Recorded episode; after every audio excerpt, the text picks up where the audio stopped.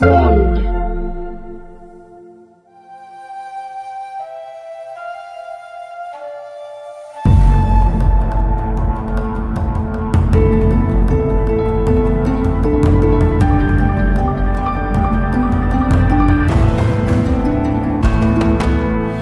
Want Media Network Emirgan stüdyosundan hepinize merhaba. Bugün yanımda Eray, Sinan ve Fırat var. Hoş geldiniz arkadaşlar. Hoş bulduk, selamlar.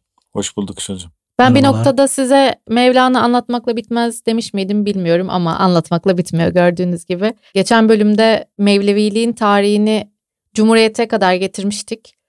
İsterseniz biraz Mevlevi olan halkın çok iyi tanıdığı ama Mevlevi olduklarını bilmediği isimlerden bahsedelim.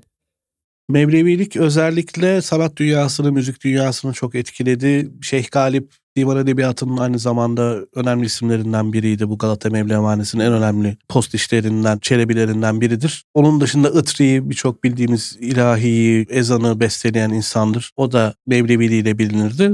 Cumhuriyet dönemine geldiğimizde de saray çevresi, sarayın yakın çevresi ve sarayın entelektüel çevresinden bazı yansımalar olduğunu görüyoruz. Mesela Nazım Hikmet'in baba tarafından dedesi Nazım Paşa'dır. Hı hı. Kendisi Konya valiliği yaptığı sürece Nazım Hikmet'i alıp Konya'ya götürüp meslevi okumalarına, işte diğer ayinlere katan bir isim. Nazım Hikmet'in 13-14 yaşında yazdığı Sararken alnımı yokluğun tacı, gönülden silindi neşeyle acı, kalbe muhabbette buldum ilacı, ben de müridinim işte Mevlana diye uzayıp giden bir şiiri de var. Bizzat genç yaşta Mevlevi'ni ilan eden isimlerden biri Nazım Hikmet. Instagram'a koyacağız. Evet. Daha sonra farklı akımlara işte sol akımlara, sosyalist akımlara yöneliyor ama yine Yaşamak Güzel Şey Be Kardeşim otobiyografik romanında Hı hı. işte mırıldanıyor Mevlana'nın bir dizesini. O zamanki Rus eşi soruyor nedir bu diye. Bir büyük şair var, mistik ama çok büyük Mevlana, onun bir beyti deyip hala ölmeye yakın zamanlarında Mevlana'dan beyitler okuduğunu gösteriyor. Bunun dışında çok önemli yine Oktay Rıfat garip akımının önemli isimlerinden biridir. Özellikle Orhan Veli çok yakın arkadaşı Orhan Veli'yi kaybettikten sonra Mevleviliğe yönelir ve şiirlerine sık sık bahseder. Halide Edip adı var yine aileden gelen Mevleviliği devam ettiren eserlerinde yer var. Özellikle Sinekli Bakkal'da Vehbi Dede diye bir karakter var. Mutlaka onu okuyun. Onun dışında Yahya Kemal, Arif Nihat Asya gibi isimler, şairler sık sık pas atıyorlar. Karakterlerini Mevlevilikten seçiyorlar. Büyük Mevlevi isimlerinden esinlenerek seçiyorlar. Tabii ki Cumhuriyet deyince Cumhuriyetimizin kurucusu Mustafa Kemal Atatürk'ten bahsetmemek olmaz. Onun da çocukluğunda Mevlevilikle ilgili birçok deneyimi olduğu anlatılır anı kitaplarında. Askeri okulda özellikle Selanik'e evine tatile geldiğinde birçok Mevlevi ayinine Selanik Mevlevihanesi'nde birçok Mevlevi ayinine katıldığı söylenir, yazılır. Tabii Atatürk'ün önemli devrimlerinden biri de tekke ve zavilerin kapatılmasıydı. Bundan Mevleviler de nasibini aldı ama tek bir fark Mevlevi tekkeleri kapandıktan sonra hemen müzesi açıldı. Konya'da özellikle Mevlana'nın türbesinin bulunduğu bölgede bir Mevlana Müzesi Atatürk'ün imzasıyla Atatürk'ün emriyle açıldı. Hmm. Oraya ziyaretlerinde de bunun niye önem verildiği, Mevlana'ya niye önem verildiğini sık sık anlatıyor. Niye? Yazdığı yazılarda, oraya yazdığı yazılarda aslında Türklükle Müslümanlığı iyi birleştiren bir reformatör olduğunu tam onun kelimesiyle reformatör olduğunu söylüyor. Ve şöyle bir cümlesi var aslında dönerek ayakta ve hareket halinde Allah'a yaklaşma fikri Türk dehasının en tabii ifadesidir diyor. Bahsettiğimiz ve bahsedeceğimiz sema ayinleri Hı hı. onun da dikkatini celbetmiş ve onu da öven Türklüğe ait bir gelenek olarak görmüş. Onun da deftere ziyaretlerinde yazmış. Onun dışında tabii Atatürk'ün en önde gelen milli eğitim makamlarından biri de Hasan Ali Yücel'dir. Evet. Bütün öğrenim eğitim devrimlerimizin arkasındaki isimdir. Can Yücel'in babası. Can Yücel'in babası. Hasan Ali Yücel de çocukluktan itibaren bir Mevlevi olarak yetişti. Hı hı.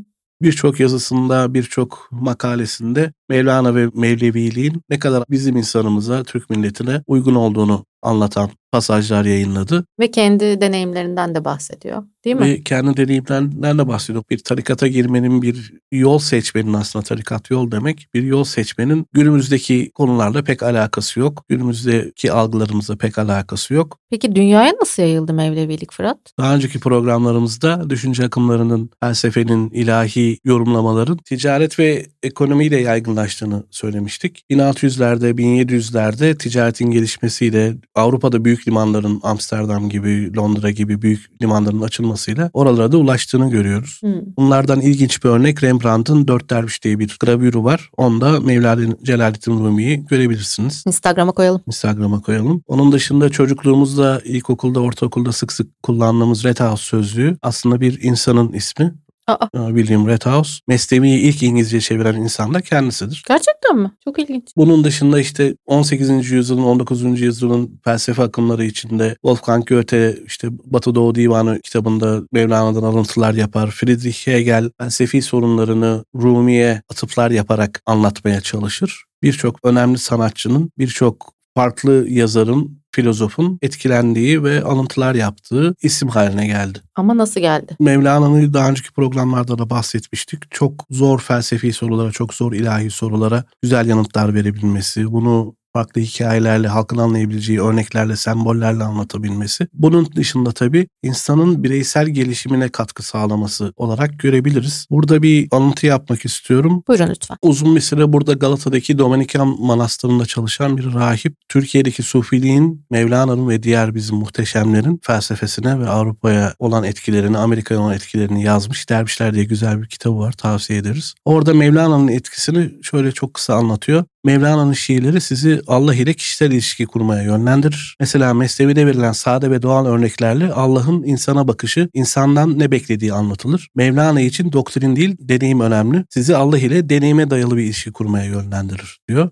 Daha özel deneyimler, daha insana ait deneyimler, daha bireysel deneyimler Mevlana'nın batıda yayılmasına, yaygınlaşmasına da sağlıyor. Müslümanlar, Hristiyanlar ve Museviler arasında ortak bir dil, manevi bir çatı olduğundan bahsediyor. Hı. Amerika'daki yorumlanmasının da aslında biraz Müslümanlıktan uzaklaştırıldığından da şikayet ediyor. Amerika tarafı nasıl başladı ve nasıl gelişti diye sorayım o zaman Sinan. Amerika'ya kadar gelmeden önce zaten Fırat'ın da anlattığı gibi Avrupa'da birçok dünya birçok ülkesinde yayılmıştı. Amerika dediğimizde özünde zaten Kur'an insanların Avrupa'dan geldiğini düşünürsek beraberlerinde de türlü farklı mistik düşünceler de bu kıtaya öncesinde gelmişti. Daha spesifik olarak Victoria dönemine dönem nedir? 18. yüzyıl 1790'lardan bahsediyorum. Hı hı. İslami şiirler, eserler Amerika'ya geliyor. Fakat o dönemde Amerika'ya gelen Müslümanlara diğer dinlere düşmanlık ediyorlar düşüncesiyle karşı bir görüş vardı ve sayıları sınırlandırılmıştı. Tam olarak da bu sebepten bu dönemde bu İslami eserlerin içinden İslam'ı çıkarmaya başladılar. Biraz da Hmm. kasten. Ve ilk Mesnevi tercümesi 1898'de geldiğinde de bunu bizzat yapanların da beyanlarında görüyoruz. Rumi'yi bir nevi İslam'dan ayırıyorlar. Burada bir virgül koyalım. Yani Mevlana muhtemelen Kur'an'ı ezbere bilen bir insan. Oradaki ayetleri nazmını uydurarak yani ona göre bir derecede değiştirerek Mesnevi'de devamlı kullanılıyor. Ve bu da çok biliniyor. Hatta Mesnevi için dinin kökünün kökünün kökü demiş. Kur'an'ın açıklayıcısı demiş. Yani bu derece içerisinde nihayetinde İslam ve bununla ilgili birçok Kur'an ayetini örneği barındırıyor. Ama bu geri dönersek Amerika'ya ilk girişinden beri burada bir ayrışma var. Bunun da en kritik noktalarından bir tanesi daha yakın zamana gelelim. Ne zamana? 1970'ler. Buradan önce birçok yapılmış İngilizce çevirileri var. İçinden dediğim gibi İslam kısmı biraz daha ayıklanmış vaziyette. Evet. Coleman Barks adında bir edebiyat akademisyeni ve şair var ve Farsça bilmiyor. İslam edebiyatıyla herhangi bir alakası yok ama kendi gibi serbest vezne inanan işte arkadaşlarıyla bunu çevirmeye başlıyor. Hobi Ve olarak. bu- evet bu çeviriyi yaparken de dilde de bilmediği için daha önceki İngilizce çeviriler üzerinden yapıyor ve birçok İslami şey yine işin içinden ayrılıyor. Bunu Hmm. sorduklarında diyor ki işte ben çok dindar bir aileden geldim Hristiyan onu ezbere bilirim ama Kur'an çok zor o kadar bilmiyorum ama kasten yaptığımı hatırlamıyorum diyor. Belki bu tepkileri biraz daha yumuşatmak için bir gün rüyasında seni seviyorum diyen bir adam gördüğünü, bir yıl sonra da sokakta rastladığında oradaki Sufi ordularından birinin lideri olduğunu söylüyor. Sonuç olarak Coleman Barks bundan sonra da 6-7 tane çok önemli eser veriyor. Hatta işin ilginç yanı bu kadar içinden ayırıyor dememize rağmen Tahran Üniversitesi'nden Fahri Doktora bile alıyor 2006'da. Onun çevirisi, Çeviriyle mi alıyor? o ve takip eden 2006'ya kadar verdiği benzer eserlerden dolayı. Bu 70'lerde yaptığı çeviri bir anda korkunç derecede Rumi'yi orada kullanılan adıyla veya Persian şair olarak söyledikleri şekliyle popüler yapıyor. Ve korkunç derecede hızlı bir şekilde yayılmaya başlıyor. Tabii bunun sebepleri nelerdir? Daha önce de konuştuklarımız orada niye bu kadar karşılık buldu? Bir, birçok mistizm varken buna da ihtiyaç varken bir anda acıyı aşka dönüştüren, işte İslam'ı ılımlı olarak gösteren, herkesin kendinde deneyimleyebildiği bir şey ortaya çıkıyor. Hı. Belki bilinmeyen bir noktada ta antik Yunan'dan bugüne antinominizm dediğimiz bir zıtlaşma akımı var. Nedir bu? İşte kuralı, ahlaki, dinsel her şeyi, normları reddetme. Bu batıda bulunan bir şey ve kalenderi olan Şems'ten de gelen ve Mesnevi içinde de bulunan bu tavır da bununla eşleşerek bir karşılık buluyor. Peki ne kadar iyi yayılıyor, ne hale geliyor? Biraz ünlülerden mesela örnekler verelim. Ve Coleman Barks çevirisiyle hepsi tanımış ve ilgi göstermiş durumda. Bunlardan biri Coldplay'in solisti Chris Martin örnek olarak tam boşanacakken çeviri veriliyor. Hayatımı değiştirdi diyor ve bir şarkıya dahil de sözlerinde kullanıyor. Beyoncé ve Jay-Z çocuklarına Rumi adını takıyorlar. Brad Pitt bir dövmesini yaptırıyor. Ama az önce söylediğim konu gibi burada bir detay önemli. İyi ve kötü düşüncenin dışında bir yer var. Seninle orada buluşacağız yazdırıyor. Orada aslında iman ve küfrün dışında orijinal metin. O da hem bu çeviriden hem de kendi belki almak istediği kısmından diyelim. Ya da popüler kültürün Aynen. kurbanı oluyor. Kesinlikle. Diğer isimleri biraz da sayarsak Madonna, Tilda Swinton, Oprah Winfrey, Goldie Hawn, Demi Moore bu şekilde devam edebiliriz. Deepak Chopra hatta bunları bir araya getirip A Gift of Love altında bir albüm yapıyor. Madonna'nın evet, bayağı da, da eski bir, 1998 yılında. Doğru seslendirdiği. Yani kabaca tekrar yaparsak bu Rumi'nin kapsayıcı, barışçıl, kişiye özel mesajı Amerika'da çok büyük bir karşılık buluyor. Bir de bunun açıkçası ben çok son zamanlardaki bu dalganın çok saf olduğunu düşünmüyorum. Burada Türkiye'nin ve bizlerin dikkatli olmamız lazım, uyanık olmamız hmm. lazım. Tabii Amerika'da hepimizin bildiği bir yakından bildiğimiz ve Amerika'da konumlanmış da bir örgüt var. E, sanki Mevlana'yı biraz kullanıyorlar gibi bir... Hangi örgüt bu Eray? FETÖ tabii ki. yani sanki Mevlana iyi bir gizlenme aracı olarak da kullanılıyor olabilir. Hmm. Burada biraz uyanık olmak gerekiyor dediğim gibi. Bir de tabii burada Mevlana vs. Rumi gibi bir durum var ortada. Evet başka bir e, başka çerçeveyle bir çizmişler çerçeve. sanki. Fakat evet burada daha popüler bir kültür var. Belki İslami kimliğinden sıyrılmış bir Mevlana var. Ama tabii bunun bir de bizdeki karşılığı var. Hı hı.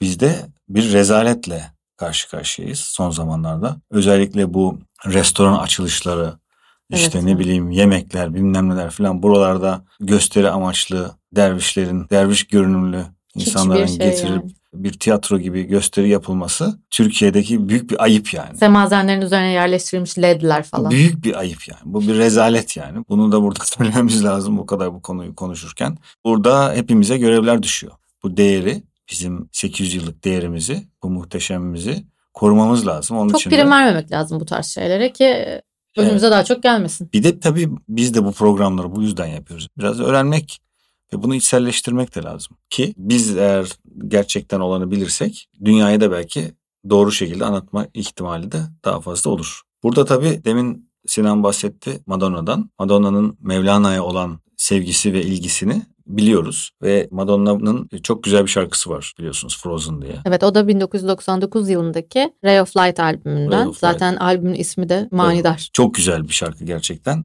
Şimdi bu şarkıda Frozen'da bunu anlatırken belki başka konuları açma şansımız da olur. Hı hı. Çünkü Mevlana'nın eserlerinde de seslendiği kişinin dinleyicinin kendisi ve aynı zamanda Mevlana'nın kendisi olduğunu da görüyoruz. Evet. Yani dışarıya dönük atıyorum ey ahmak dediği zaman ahmak diye birisinden bahsetmediğini yine Önündekine kendi, değil de kendisine içindekine. söylediğini, hep içindekine söylediğini görüyoruz. Evet. Burada tabii şöyle bir ayrım var. Bu İngilizce çevirilerde, Türkçe çevirilerde de genelde işte aşk kelimesi e, yanlış bir anlam yükleniyor. Madonna'nın bu şarkısında da önce kalbini açmak gerektiğinden bahsediyor. Hatta e, tam sözlerine bakarsak. You're frozen when your heart's not open. Open. Şimdi burada Madonna bunu başka birisine söylemiyor. Hı hı. Kendi kendine söylüyor ve e, you are frozen when your heart is not open dediği sufizmde, tasavvufta yürek gözünün açılması denilen kavram veya Budizm'de kalp çakrasının açılması denilen kavram. Aynı şey. Madonna buradan burada bahsettiği o. Yani kalbin eğer donuksa, yürek gözün açık değilse hala egonun bir esirisin. Daha sonra diyor ki you are so consumed with how much you get. You waste your time with hate and regret. You are broken when your heart is not open. Hı hı. Yani kendi egosuyla konuşuyor. Ve bu egodan sıyrılmak da e, Mevlevilikte semahta anlatacağımız aşamalardan bir tanesi. Çünkü insan egosundan sıyrılmadığı sürece bütün ego duygularını bırakmadığı sürece, bu kalp gözünü açmadığı sürece, yürek gözünü açmadığı sürece ilmel yakin denen aşamaya, Mevlevilikte ilmel yakin denen aşamaya yani yanmaya başlamaya diyelim Hmm. geçemiyor. Daha Ee, ham yani orada. Çok ham ve bir ego içerisinde yani bir basit bir insan. Şu anda Madonna'nın bahsettiği de bu. İçe Yani kendi yani. benlik algısı içine hapsolmuş diyebiliriz belki de. Evet. Kendi benlik algısı içine hapsolmuş. Bu arada şunu da söylemek lazım. Devam ederken Madonna'nın klibinde Ha, e, evet. bir tane önemli bir kavram var. O çok güzel bir sembolizm kullanmışlar. Çok güzel bir Doberman var. Ve üç tane Madonna var baktığımızda. Şimdi Doberman ve üç tane Madonna farklı anlamlar içeriyor. Doberman köpek hem sembolik olarak Hı hı. hem de astrolojik olarak Sirius yıldızının sembolüdür. Onun sebebi de Sirius yıldızı Canis Major, büyük köpek takım Hmm. yıldızının en parlak yıldızıdır. Aynı zamanda gökyüzünün de en parlak yıldızıdır. Köpek kavramı sembolik olarak şöyle düşünebilirsiniz. Tenteni düşünün mesela. Yanında küçük köpeği vardır. Asterix'i düşünün. Köpeği vardır. Evet kahramanların yanında hep onu Red. Kit vardır. Veya Tarkan vardır. Kızıl Maske vardır. diyelim. Evet. Oradaki köpek Madonna'nın klibindeki Doberman'da Mevlevilikteki sır yani Sirius'u temsil eden o Mevlana'nın da senin içinde bir can var. O canı ara dediği Evet. Örtüşüyor.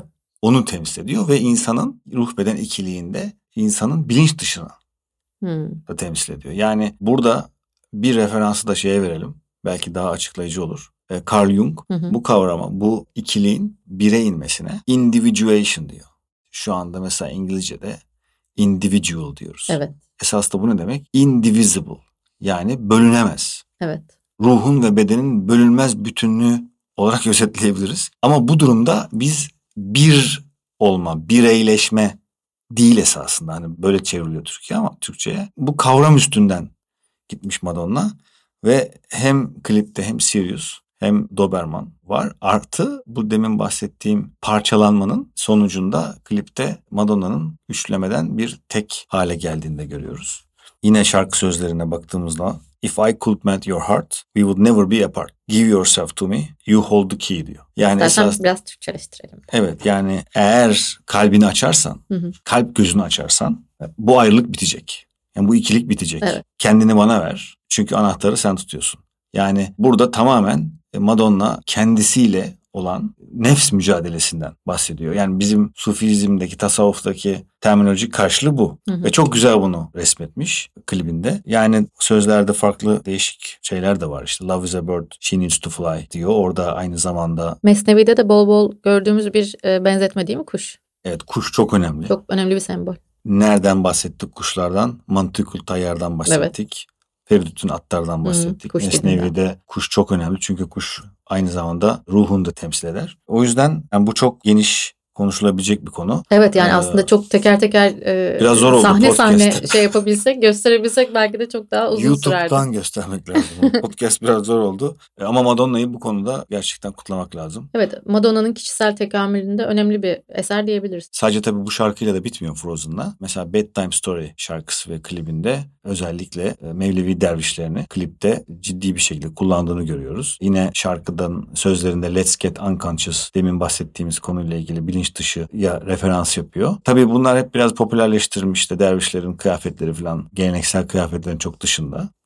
Tabii Madonna'nın böyle bir derin konuyu e, mana olarak da zengin bir şekilde e, ve çok güzel bir şekilde görselleştirmesi, aynı zamanda harika bir şarkı Ve yapması. yönetmeni Chris Cunningham'a da Yönetmenin de gerçekten burada Söyleyelim. payı çok yüksek. Yani böyle bir görsel ve müzik şaheserinin ortaya çıkmış olması bizim için gurur verici. Burada ek olarak hani Madonna'nın ve benzer eserlerde belki bir ufak katkımız olabilir. Kime konuştuğu. hı hı, Yani işte when your heart is not open diye sevgilisine demediği çok önemli bir ayrım. Sevgilisine de diyor olabilir tabii ki. Ama işin özünde bu değil. Bu ayrımı yapınca bir sürü kapı açılıyor. Madonna bu, bu konuda bir yol göstermiş. Tabii bir yandan da belki şey konusuna da bu noktada girmek lazım. Günümüz popüler dünyada Mevlana'nın yansımalarından bahsederken bütün sosyal medya Mevlana'nın söylemediği sözlerle kaynıyor. WhatsApp mesajları. WhatsApp mesajları ve Facebook ve Instagram herkesin dilinde Mevlana'nın ağzından çıktığı söylenen ama Mevlana ile alakası olmayan bazı alıntılar var. Bunlardan birkaç tanesini istersen Bir lafa bakarım. Laf e, mı diye? Laf mı diye. Ondan sonra da Söyleyene bakarım. adam. Adam mı diye falan.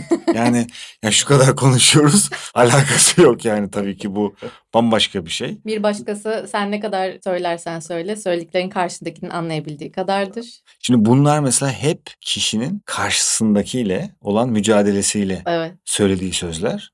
Bir de ki, ne olursan ol, Esas, esas. kim olursan ol gel. Gel. Tabii o en azından en azından onun mesajı doğru çünkü içerik doğru olmasa da kelimeler. Brief doğru. Brief doğru evet yani söylediği şey o yani farklı farklı şeyleri sayıyor ve e, şöyle diyor yani bütün bu kişiler Habeşistan'dan bahsediyor Hint'ten bahsediyor yani hepsi mezarlıkta yan yana yatıyorlar diyor e, Hmm. Mevlana ve bu yüzden kim olduğun önemli değil demek istiyor. Fakat bizim popüler kültürümüzdeki bunun yansıması gibi değil. Çünkü biz hep ben ve sen, biz ve onlar ayrımından yola çıktığımız için. Ama tam da bu sebepten dolayı Mevlana bu aşamalarda yani üç aşamadan bir tanesi demin de bahsettik. Bu kibirden, egodan ve duygulardan kurtulmak. Yani daha o seviyenin çok çok çok uzağındayız hepimiz. Bu arada Brad Pitt'in koluna yaptırdığı dövmede de tabii aynı şeye kurban gitmiş. Kurban gitmiş. Evet. Evet. Bayağı. O da bayağı bir kurban gitmiş. Belki kendisine bir gün görüp Söylemeyin bence. İyi böyle de. onu da Angelina Jolie yapmış. Öyle diyorlar. belki şimdi Kafası sildirebilir belki sonradan. Bu güzel sohbet için ve aydınlatıcı bilgiler için çok teşekkür ediyorum arkadaşlar. Haftaya yeni bir bölümde görüşmek üzere. Hoşçakalın. Hoşçakalın. Çok teşekkürler Işıl'cığım. Hoşçakalın.